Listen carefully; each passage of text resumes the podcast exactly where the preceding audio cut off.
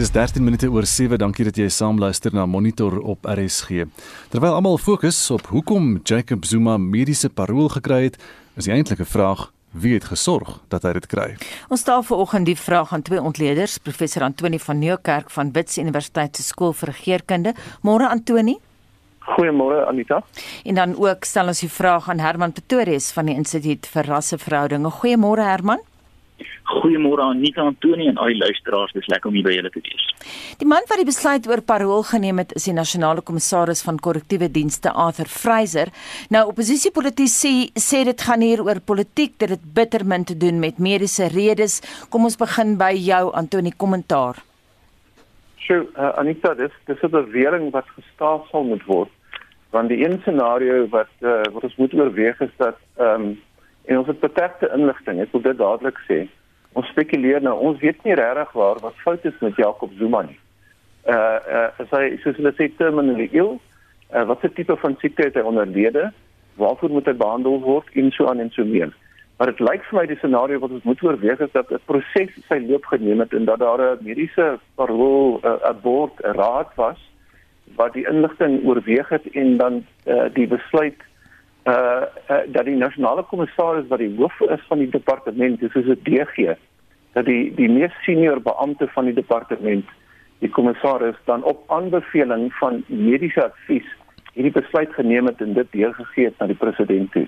Dit is 'n scenario wat ons moet oorweeg. Die ander een waarvoor ons nie genoeg inligting het nie is dat dit 'n politieke besluit was en dat uh, druk van binne die ANC geplaas is op die stelsel en dat Arthur Fraser namens 'n faksie opgetree het en of Jacob Zuma siek is of nie 'n besluit geneem het om hom huis toe te stuur. Herman, wat is jou reaksie of jou kommentaar dan oor Arthur Fraser?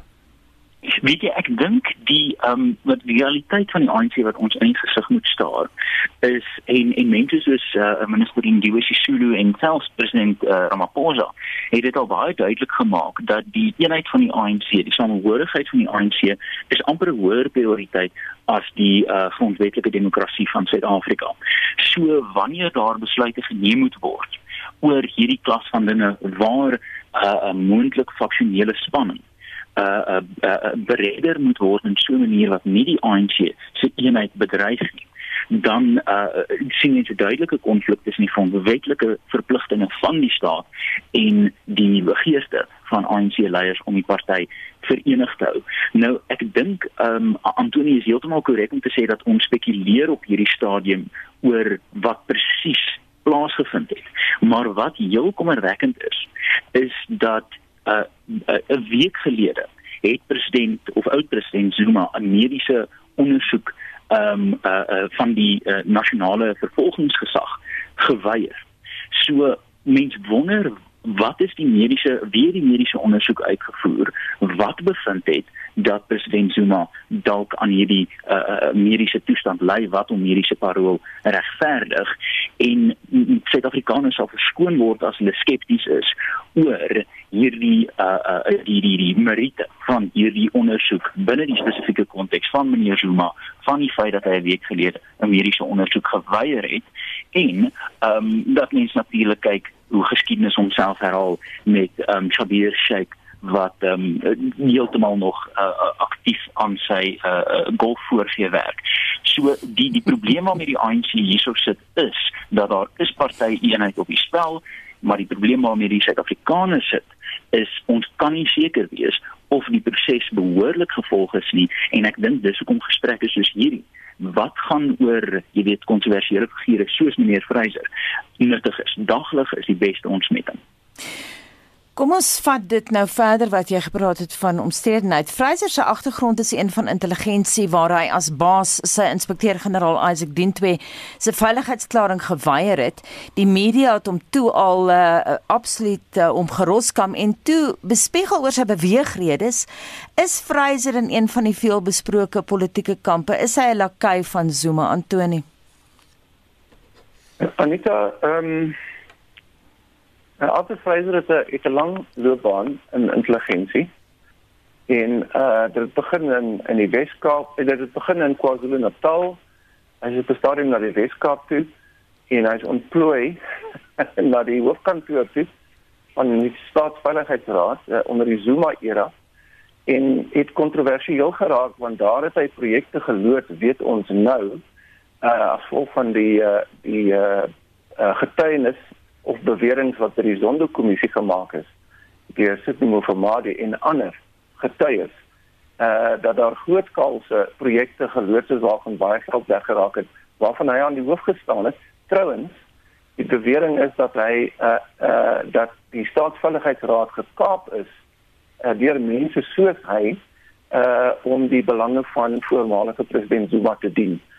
Uh hy is kontroversieel daar weg want uh die huidige president het 'n paneel aangestel om hierdie beweringe te ondersoek en hy het dit uh, teengestaan.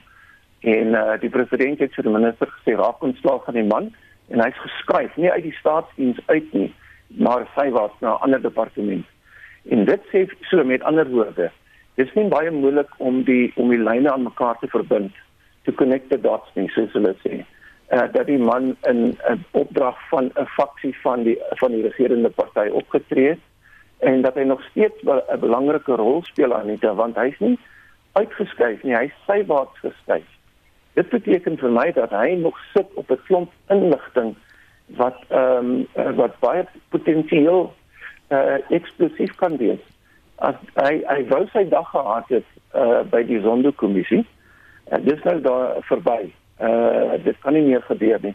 Want hy wou homself gaan verdedig en hy het ter voorbereiding van die proses by die sondekommissie vir die kommissie gevra ek soek 'n klomp inligting uit die staatsveiligheidsraad se se se lees om my saak soort van voor te berei insluitende inkriminerende getuienis en ek dink nie die sondekommissie kan gesien om al die leers op te maak nie. Met ander woorde, ons sit nog met 'n onafgehandelde saak in terme van groot korrupsie en staatskaping en die man sit in die middel van 'n netwerk van agente wat nog nie ontbloot is of na die hof toe gevat is om skuldig bevind te word nie. Herman, uh, News24 beskryf Fraser in sy vorige inkarnasie daar by die Staatsveiligheidsagentskap as Zuma se untouchable spy boss. So mens verstaan dat mense begin dink waar daar 'n rookie is, is daar 'n vuurtjie, né? Weet jy definitief, um, maar ek dink een ding wat ons wel moet versigtig wees is ehm um, Arthur Fraser is dalk die beste uh, voorbeeld of illustrasie van die feit dat ons ernstig moet raak oor die um, uit fokus en en en so van onbetroubaar die lyne tussen die goeie ouens in die ANC en die slegte ouens in aanhalingstekens in die ANC is uh, as as as hierdie twee opponerende magte binne die ANC. Ons het in Suid-Afrika 'n 'n 'n politieke uh, uh, tradisie gebruik rotine geval waar dit amper is asof die regerende party die ANC beide die regering en die oppositie binne homself bevat. En ek dink dit is baie gevaarlik vir 'n demokrasie soos Suid-Afrika waar mens die die nood, uh, die die sukses of die die uiteindelike uh, 'n noodlot as dit ware van die grondwetlike demokrasie verbind aan die sukses of mislukkings van een party. Want ons soos Antonie reg uitwys, ehm um, Fraser is sywaarts geskryf geskryf ehm um, deur president Ramaphosa en ek kan onthou hoe destyds toe die skryf gebeur is uh, is is dit gesien as 'n groot taktiese oorwinning uh vir vir Ramaphosa maar ek dink ons begin nou sien dat dit is nie so 'n duidelike prentjie nie want 'n taktiese oorwinning sou minstens gewees het om hierdie hierdie, hierdie probleem faksionele uh, uh figuur as dit is wat hy is um sy magte verminder en sy mag het nie werklik verminder nie. Dit is net verplaas na 'n ander arena. En ons moet ook gaan luister na die antwoorde wat president Zuma hier teen die einde van sy getuienis voor die sondekommissie gegee het um waar die uh, ondervraer vir president Ramaphosa um drie keer gevra het oor hierdie uh hoe kan hy Arthur Fraser aangestel het in sy huidige posisie oor in die korrektiewe dienste stelsel as daar hierdie ernstige aanklagtes hangende was teen hom. En president Ramaphosa se antwoorde was so onbevredigend dat selfs reg ehm um, adjunk uh, hoofregter Zondo op 'n stadium moes begin guggel het oor die absurditeit van Ramaphosa se antwoord dat hy sal wag vir die regte inligting en dat die Zondo kommissie se bevindinge daai inligting sal bevat want soos ons almal weet gaan daar hoogs waarskynlik hersieningsproses op hersieningsproses regsproses op regsproses wees om die Zondo-kommissie se verslag te betwis en te betwyfel. So wat Fraser aandui hierso is of wat Fraser se posisie en hoe die regering en die ANC hom hanteer waarskynlik aandui is dat hierdie netjiese lyne en grense tussen goeie ouens en slegte ouens in die ANC werklik 'n fiksie is wat ons nie meer kan bekostig nie. Die ANC as geheel. Hulle praat altyd van collective responsibility en ek dink dit is dalk op 'n punt nodig vir die land om hulle ernstig op te neem en te besef dat hier is nie hierdie netjiese faksies altyd nie.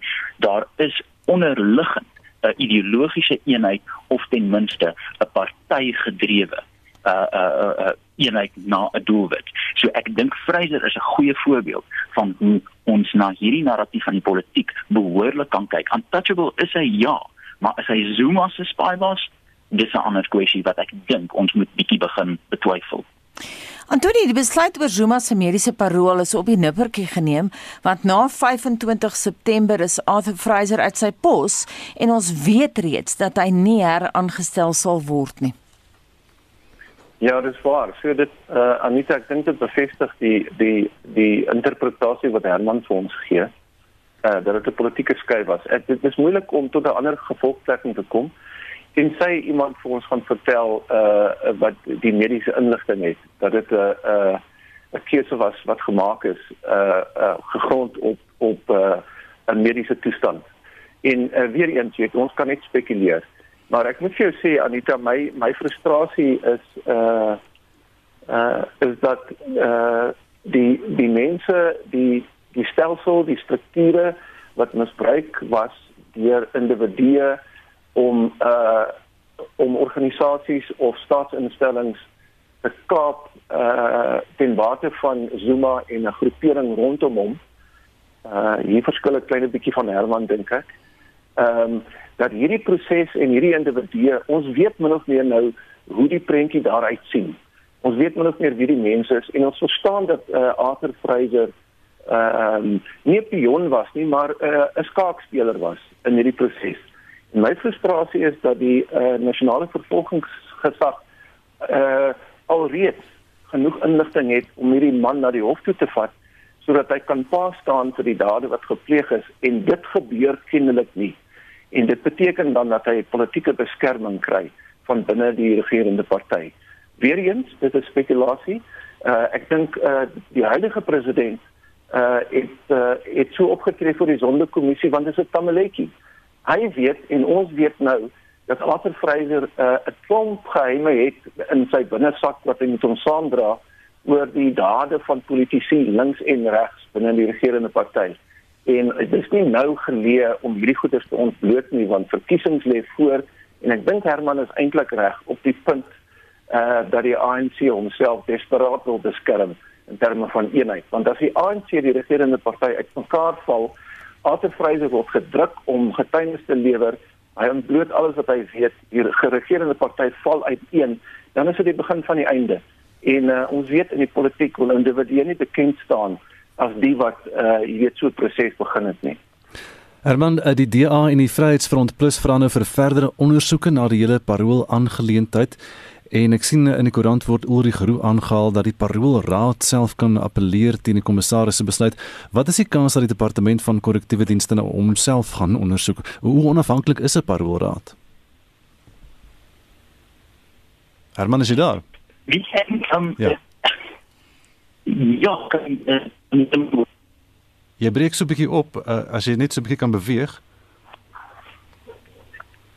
ek ek ek hoop ek is nou 'n bietjie meer hoorbaar. Ons kan jou hoor, ja. Um, die ek ek dink die wat wat ons moet erken is dat die uh, paroolstruktuur in Suid-Afrika het 'n bietjie 'n gemengde geskiedenis want daar is gevalle waar um, onder streng publieke uh, kritiek en druk die paroolraad wel parool toestaan volgens die reëls. En ek moet sê dit is skaars in 'n land wat mens of in Suid-Afrika wat mens 'n krediet kan gee aan 'n struktuur soos die paroolraad, maar ek moet sê daar is nogals um, goeie goeders wat deur die parool entiteite in Suid-Afrika gedoen word om parool toe te staan volgens die reëls, volgens die wet, al is dit uh, nie altyd besonder populêr nie.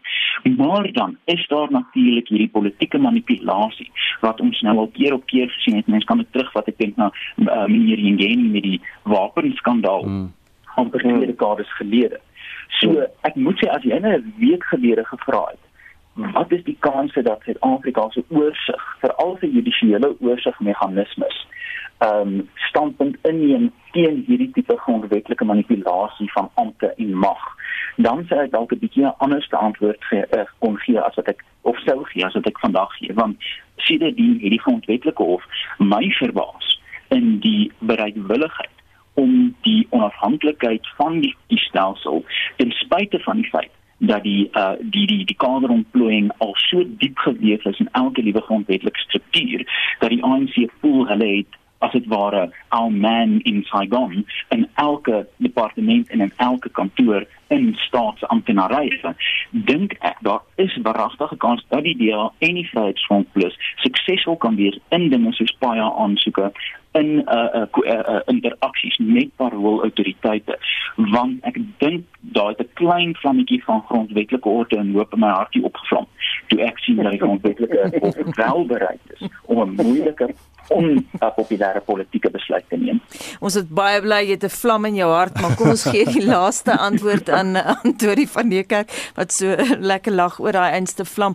Antoni, watter politieke boodskap stuur Suid-Afrika met hierdie besluit aan die wêreld uit? Ja.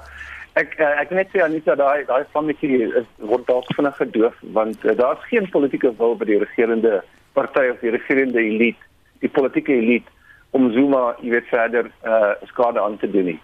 Uh hulle is baie bly dat hy huis toe gaan. Ehm uh, en hulle sal die prosesse vertraag. En dit stuur 'n boodskap uit na die wêreld wat uh wat kyk na hoe ons ons demokrasie probeer beskerm.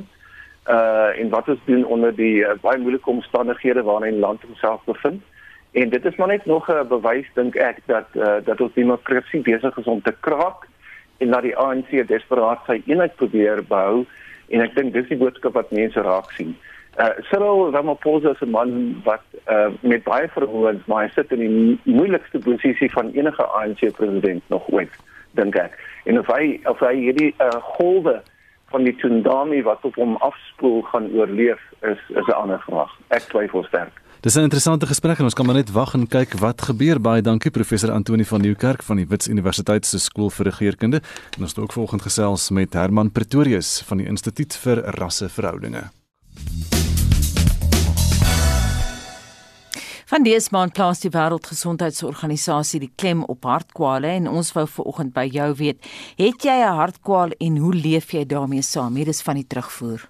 My naam is Monica van PE ek het 'n hartkwaal en ek het ook Parkinsons en ek het my nog nie laat inent nie want ek is bang. Ek is klaar op so baie medikasie en ek is net bang om dit ook nou nog te laat doen. Ek weet nie hoe gaan dit op my uitwerk nie. My naam is Brad. Ek is hartleier. Ek het bloedklonte. Deur die dokter gewaarsku. Sê ek is 'n high risk patient. Ek kan enige oomblik dood neerslaan. Waarvoor moet ek my dan laat inent? Glo net ek wil meer bloedklont kry as ek het nie. Ek het die Pfizer inspuitings gehad albei en ek het hartkwale en ek drink kroniese medikasie vir dit en ek het geen nuwe effekte gehad van enige een van die een van die twee inspuitings nie. Dit is Joe van Polokwane. Ek is 'n uh, asma leier en ek ly aan hartaritmie. Ek het nie geskroom om die Pfizer inentings te kry nie. Ek het beide gehad. Ek is amper 67 jaar oud en ek spoor alle mense aan om tog die inenting te kry. En ek dink so groot demokraat as wat ek is, dit moet 'n kriminele oortreding wees om al hierdie vals inligting oor die inentings te versprei.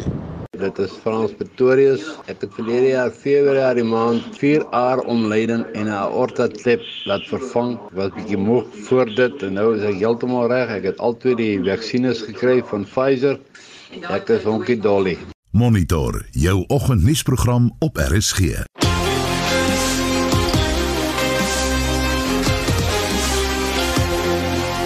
Dis 25 minute voor 8 ons beweeg na die sportveld. Hier is Shaun Jooste.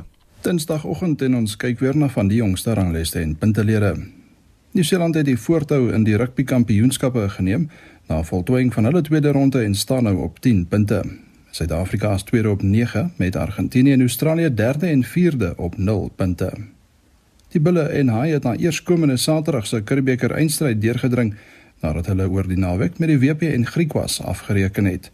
Die twee spanne het ook bo aan die punteleer geëindig na die rondom Tali wedstryde. Die Bulle is die verdedigende kampioene. Kriket. Sri Lanka en Suid-Afrika pak mekaar later vandag in die derde en laaste wedstryd van hulle eendagreeks wat gelykop is met 1-1. En dan begin die vroue Protea span se eendagreeks in en teen die Wes-Indiese eilande vanaand kwart voor 9. India het die vierde toets van hulle reeks in en teen Engeland gister op dag 5 met 157 lopies gewen en loop nou 2-1 voor met nog een toets wat oorbly. Die oorwinning beteken dat Engeland die laaste toets wat Vrydag begin moet wen om 'n reeks nederlaag te vermy. India is ook nou eerste op die ICC se toetskampioenskappe punteleer op 26 punte en 54.17 persentasiepunte. Pakistan en die Windies is tweede en derde op 12 met Engeland vierde op 14 punte. Tennis. Die Amerikaanse Ope is in Queens in New York City aan die gang. Die Suid-Afrikaner Lloyd Harris het sy uitstekende vertoning met 'n 6-7, 6-4, 6-1 en 6-3 oorwinning oor die plaaslike Riley Opelka voorgesit en sy plek in die kwart eindronde verseker. Die eerste, 4de en 60 gekeerde mans, Novak Djokovic van Servië, Alexander Zverev van Duitsland en Matteo Berrettini van Italië, is ook deur na die kwart eindstryde. In die vroue afdeling het die vierde gekeerde Tsjech Karolina Pliskova ook vir die laaste 8 gekwalifiseer, terwyl die nommer 7 van Pole Iga Swiatek uitgeskakel is. In die golfwêreld is daar geen verandering onder die top 3 manspelers nie. Hulle is Gondram van Spanje en die twee Amerikaners Dustin Johnson en Colin Morikawa.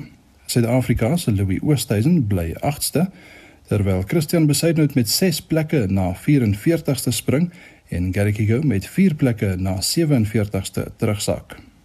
Sokker. Bafana Bafana het gisteraand se Wêreldbeker kwalifikasiewedstryd in die Afrika groep met 1-0 teen Ghana gewen. Hulle is nou die voorlopers in groep G op 4 punte na 2 rondes. In die Europese groep is van die grootes soos Spanje, Italië, Frankryk, Engeland en Duitsland ook die voorlopers in hul groepe. Motorsport. Die Red Bull renjaer Max Verstappen is weer die voorloper in die Formule 1 reeks nadat hy koning gekraai het in sy tuis Grand Prix in Nederland. Hy het nou 224,5 punte agter sy naam. Die Brit Lewis Hamilton is net 3 punte agter hom met die Finn Valtteri Bottas derde op 123 punte. Op die vervaardigerspunteleer staan Mercedes nou op 344,5 Red Bull op 332,5 en Ferrari op 181,5 punte. Paralimpiese spele nuus. China was die algehele wenners van die Paralimpiese spele in Tokio in Japan en het 207 medaljes in totaal verower. Dit het 96 goud, 60 silwer en 51 brons medaljes ingesluit. Groot-Brittanje was ver terug in die tweede plek met 41 goud, 38 silwer en 45 brons en die FSA derde met 37 goud, 36 silwer en 31 brons medaljes. Ons Suid-Afrikaanse atlete het algeheel 34ste met 4 goud, 1 silwer en 2 brons medaljes geëindig. En laastens in fietsrennies, Slovenië se Primož Roglič het die Vuelta a España vir 'n derde keer gewen. Hy is nommer 3 op die 2021 mansranglys. Sy landsgenoot Tadej Pogačar is eerste met Wout van Aert van België tweede. Shaun Schuster, RSG Sport. Dis nou 7:39 jy luister na Monitor. Ons gaan na internasionale nuusgebeure toe. Ons begin in Afghanistan waar die Nasionale Weerstandfront die NRF nou die internasionale gemeenskap kritiseer dat hy die Taliban politieke en militêre mag gee.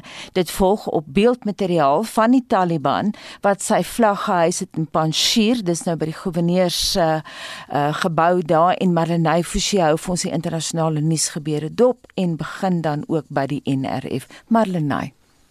Ja, net dat die NRF se leier Ahmad Massoud het 'n stemnota gesirkuleer waarin hy die boodskap aan die weste rig en landsburgers aanmoedig om weerstand te bied teen die Taliban. Nou die Taliban se woordvoerder Zabihullah Mujahid het egter gister gereageer met 'n subtiele waarskuwing. We have captured Panjshir with the will of God. We are telling those people who still want to fight If they want a normal life, they are welcome in Afghanistan, their home. But they need to stop fueling instability. Die NRF ontken dat hulle oorwin is deur die Taliban en meen hulle is tog teenwoordig op strategiese punte in Panjshir. 'n VN-afvaardiging vir humanitêre hulp het intussen met die Taliban vergader. Die organisasie se koördineerder in die verband is Martin Griffiths. The international community needs to know that there is a genuine will on the part of the authorities to adhere to these principles, to understand them, and to learn about them over time. I've heard good words here, but none of us uh, believe only in the value of words. Die VN het ook 'n park in Kabul besoek wat omskep is in 'n vlugtelingkamp vir duisende wat deur die onlangse geweld haweloos gelaat is.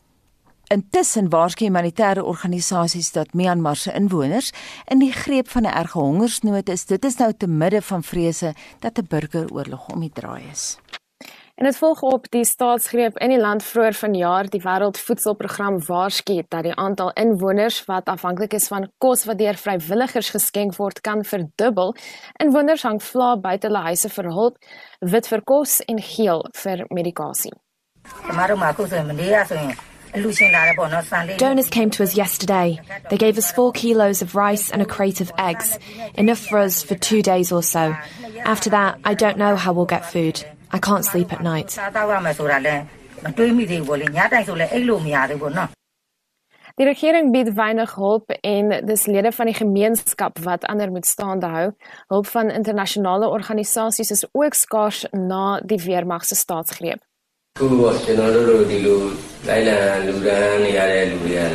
Donors like us are not rich. They are ordinary people like you and me who are willing to give away half of what they have. I'll donate $3 if I have $6, for example. It's just people helping people.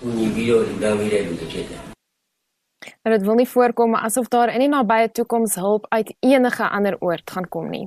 En van een staatsgreep na ander genees, sê die leier van eh, gister se staatsgreep, kolonel Mamadi Dumbuya, dat 'n nuwe regering in die komende weke gevorm sal word.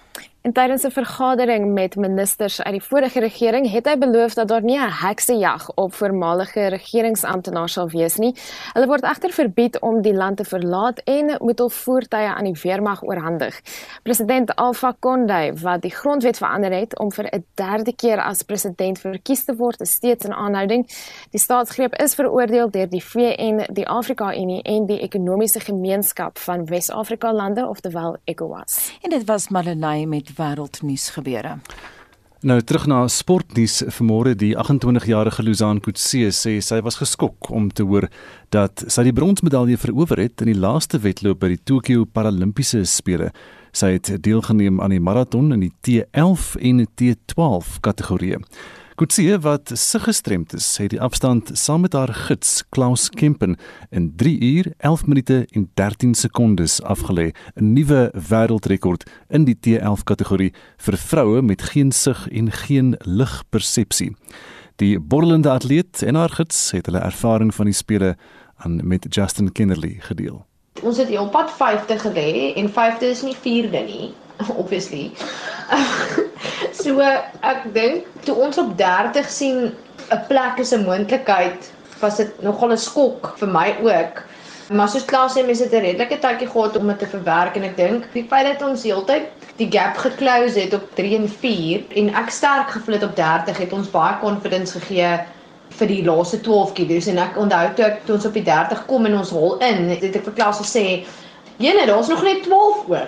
Dit was regtig die perfekte dag en die perfekte omstandighede vir my en, en dit is 'n absolute blessing. Nou kyk ek besef RSG se is familiestasie so ek kan seker nie sê wat ek regtig hardop vir gesê toe ek besef wat besig is om te gebeur nie maar ek het maar so so neutraal as moontlik sonder om mense hoop op te kry. Vir Luzana net deurgegee dat hoe daar is 'n moontlikheid dat ons nou 'n uh, medaljeplek kan kom. Maar binne in my het dit redelik op en af gespring. So dit was so 12 kg voor die einde het ons opgevang op nommer 3 en 4. Teen die tyd toe ons in die stadion gekom het, het ons nou al amper 'n uur gehad wat dit ingesink het. Ek het eintlik nogal 'n stywe nek van agter toe kyk die laaste ruk om seker te maak hulle vang nie op nie. Dit was nooit in ons verwysingsraamwerk om te gaan vir 'n medalje nie. Ons uh, het in 'n hoër klas deelgeneem. Dit beteken ons het teen mense gehardloop wat kan sien en Luzon is in 'n T11, so sy kan glad nie sien nie.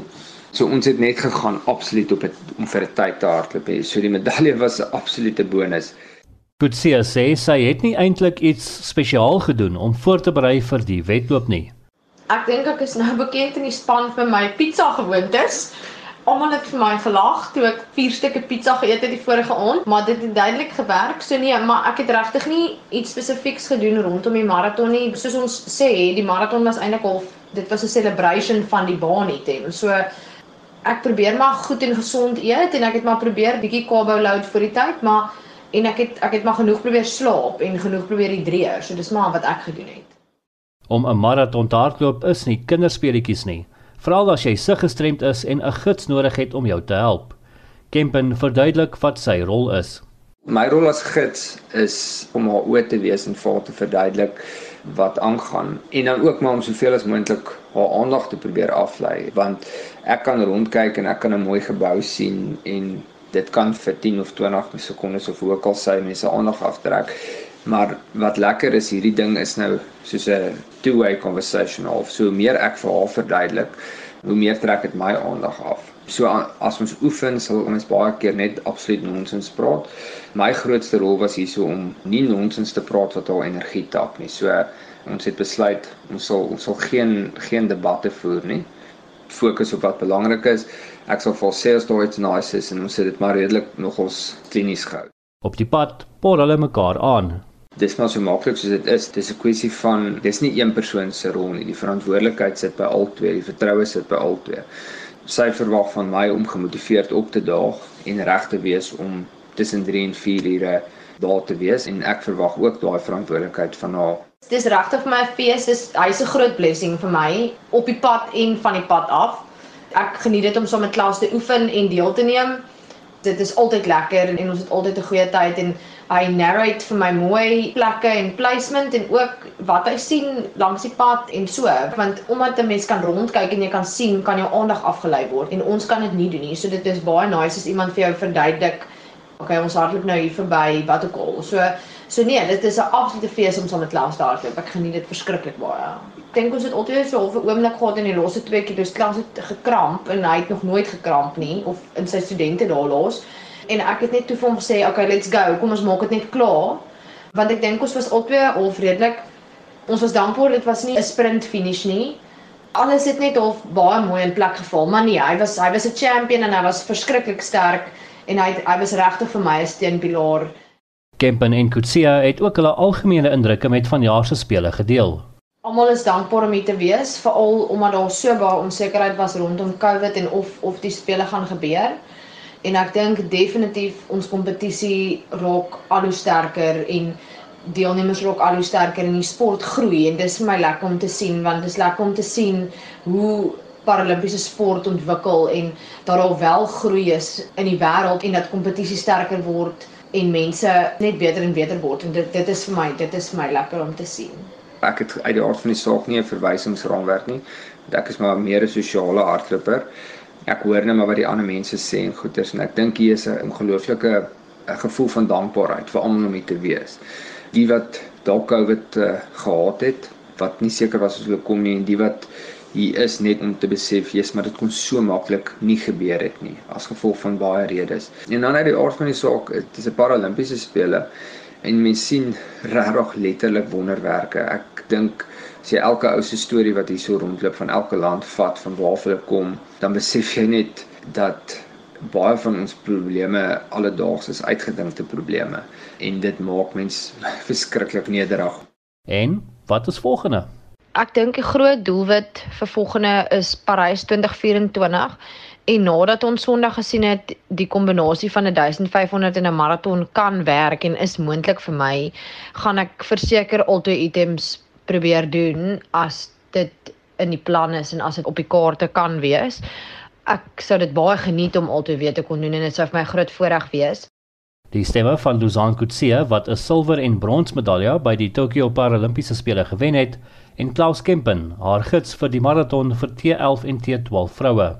Ek is Justin Kennerly vir SI Garnis. Die James Webb Ruimteteleskoop is reg om gelanseer te word 25 jaar nadat die konstruksie daarvan begin het.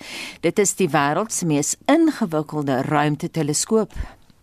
Ons praat vanoggend dan ook daaroor met 'n buitengewone professor verbonde aan die Sentrum vir Ruimtenavorsing aan die Noordwes Universiteit en die Departement van Fisika by die Universiteit Stellenbosch en is Pieter Kotse. Pieter, goeiemôre.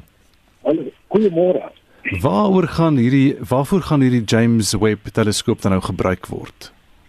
Ja, soos ek reg opgemerk het in die begin, dit is definitief die mees gesofistikeerde ruimteteleskoop wat tot op hede nog gebou is. En die uitsluitlike doel van hierdie teleskoop is om terug te kyk in die tyd tot kort net nadat die heelal begin ontstaan het. Dit wil sê ongeveer 100 miljoen jaar na die ontstaan of die oor, oerknal begin het om dan terug te kyk in tyd en te sien hoe het die heelal ontwikkel en uh, ontstaan tot op hierdie toe. Dit was op Duitsland nog glad nie moontlik met ander teleskope maar hierdie teleskoop besit die uh, moontlikheid en ook die vermoë om definitief terug te kyk in uh, die tyd tot waar die heelal ontstaan het. Pieter, hoe verskil dit van die Hubble teleskoop? Kyk, daar is aansienlike verskille tussen die Hubble en ook hierdie Webb teleskoop. Die Hubble teleskoop is in 'n wentelbaan van ongeveer 570 km bo kan die aarde. Is heelwat kleiner as die uh, teleskoop. Dit besit 'n uh, spieël met 'n deursnit van 2.4 meter terwyl die Webb teleskoop 'n spieël uh, uit segmente wat uit segmente bestaan wat 6.5 meter in deursnee is. En dan boonbehalwe dit is die uh, gebied in die elektromagnetiese spektrum of die uh, lig wat uh, die uh, Hubble kan aan, aan, aan kyk val in die sigbare gebied. So die Hubble is baie beperk in terme van sy afstand waaroor hy kan kyk en hoe, hoe ver terug in tyd hy kan kyk. Aan die ander kant ook die William Webb of die James Webb teleskoop gaan gelanseer word en geplaas word in 'n posisie ongeveer 1.5 miljoen kilometer aan die skaduweekant van die aarde weg van die son af. En dit maak die uh, James Webb teleskoop baie uniek in die sin dat as die teleskoop nie werk nie, dan is daar geen manier waarop mense of ruimtevaarders daarin kan gaan om herstelwerk te doen nie. In die geval van uh, die uh, Hubble teleskoop was dit moontlik geweest om kort na sy lansering uh, herstelwerk te doen want daar was 'n ontwerpfout in die uh, spieël van die teleskoop. So die twee verskil redelik van mekaar en in die opsig is die Webb teleskoop eintlik baie meer gesofistikeerd aangesien dit in die infrarooi gebied van die spektrum uh uh sê die lig gaan analiseer en dit uh, vereis dus ook dat hierdie teleskoop se instrumente of die elektronika aan boord afgekoel moet word tot ongeveer 200 grade onder vriespunt. Hm. En vir hierdie doel is die uh, teleskoop teleskoop uh, toegerus met 'n ontplooibare seil so groot soos 'n tennisbaan wat hierdie teleskoop dan afskom afskerm van enige ongewenste lig vanaf die son self. So wat hoop die wetenskaplikes om dan te kan sien met hierdie nuwe teleskoop wat hulle nie met Hubble kon sien nie weens die beperkings? Alhoewel die Webb teleskoop nou in die infrarooi gebied uh, uh, opereer of sy syne ontvang kyk dit is ver terug tot ongeveer 100 miljoen jaar na die ontstaan van die uh, uh van die heelal en dit stel ons in staat om uh uit te vind hoe het die heelal en ook melkwegstelsels ontwikkel intussen wat nie moontlik is met die uh, Hubble teleskoop self nie. So in die opsig is die uh, Webb teleskoop eintlik uniek en uh, kan mens amper regverdig die hoe groot hoeveel koste en tyd wat daaraan spandeer is. In hierdie opsig gaan die Webb teleskoop ook kyk na die metalinhoud van uh steratmosfere wat nie moontlik is met uh, die uh uh jy met die Hubble teleskoop die wat op die ons moet onder gedagte hou dat die sterre wat gevorm het kort na die ontstaan van die heelal aansienlik verskil van die sterre wat ons vandag in ons eie melkwegstelsel byvoorbeeld na kyk dat die vroeë sterre so vermoed ons het hoofsaaklik uit waterstof en helium bestaan terwyl die nuwe sterre soos hulle ontwikkel het en uh op 'n proses van evolusie ondergaan het het ook metale ontwikkel. So daar gaan definitief gekyk word na die metaalinhoud van sterre en ook melkwegstelsels ongeveer op ek sal omtrent sê van ongeveer wat die ouderdom van ongeveer 13000 miljoen jaar oud is. Hm. Baie dankie en so sê Pieter Kotse, buitengewone professor verbonde aan die Sentrum vir Ruimtenavorsing aan Noordwes Universiteit. Roerende stories oor mense se hartprobleme vanoggend Essie vertel ons meer. Anita Bets Ferreira skryf ek ly aan 'n skaars vaskulêre sindroom waarvoor ek ook verskeie operasies gehad het en ook chemo en bestraling ontvang het. Ek is 70 en my man is 76 en ons het al ons is albei ingeënt en ons het geen neeweffekte gehad nie. En Stina Els van Vredekloof sê ek het 'n dubbele hartklep vervanging gehad en ek het nou metaalkleppe in my hart. Ek is ingeënt met geen neeweffekte nie. En Etje van die Kruk Turkstra laat weet vir ons ek het 'n hartklep vervanging gehad en met elke paar maande my bloeddikte laat toets. Ek het COVID gehad, maar baie lig dalk te danke aan my bloedverdunnings wat ek drink. Ek het van die begin af geweet ek moet die inenting kry en het met baie dokters gepraat wat aanbeveel het ek moet die Pfizer inenting kry. Ek het Vrydag die eerste een gekry 60 dae nadat ek COVID gehad het. En Nico Klasen van Pretoria sê ek het in September 1996 'n 4-jaar omleiding gehad. Ek het my tweede inenting in Julie gehad met geen neeweffekte nie. Baie dankie vir julle terugvoer vanoggend. Marlene, wat is alles op die dagboek vir Spectrum om 12? Statistieke Suid-Afrika stel die tweede kwartaal se ekonomiese groeikoers bekend. Die DA gaan strafregtelike klagte indien teen die ANC se top 6 leierskap dit nadat die party nie 'n bydrae gelewer het tot die nasionale werkloosheidsversekeringsfonds nie. En drukgroepe wag steeds op die regering vir 'n antwoord oor hoekom bykans 100 000 misdadigers op parol vrygelaat is sonder dat DNS-monsters geneem is. Onthou vorige uitsendings van Monitor Spectrum naweek aktueel en kommentaar is op RC se webblad as 'n potgooi beskikbaar. Gaan na www.rc.co.za. En so kom ons aan die einde van ons program vanoggend. Ons uitvoerende regisseur is Nicoline de Wee, ons redakteur vanoggend Wessel Pretorius en ons produksieregisseur Daitrin Godfrey. Monitor is môreoggend om 6:00 terug. Ek is Gustaf Vreiding en my naam is Anita Visser.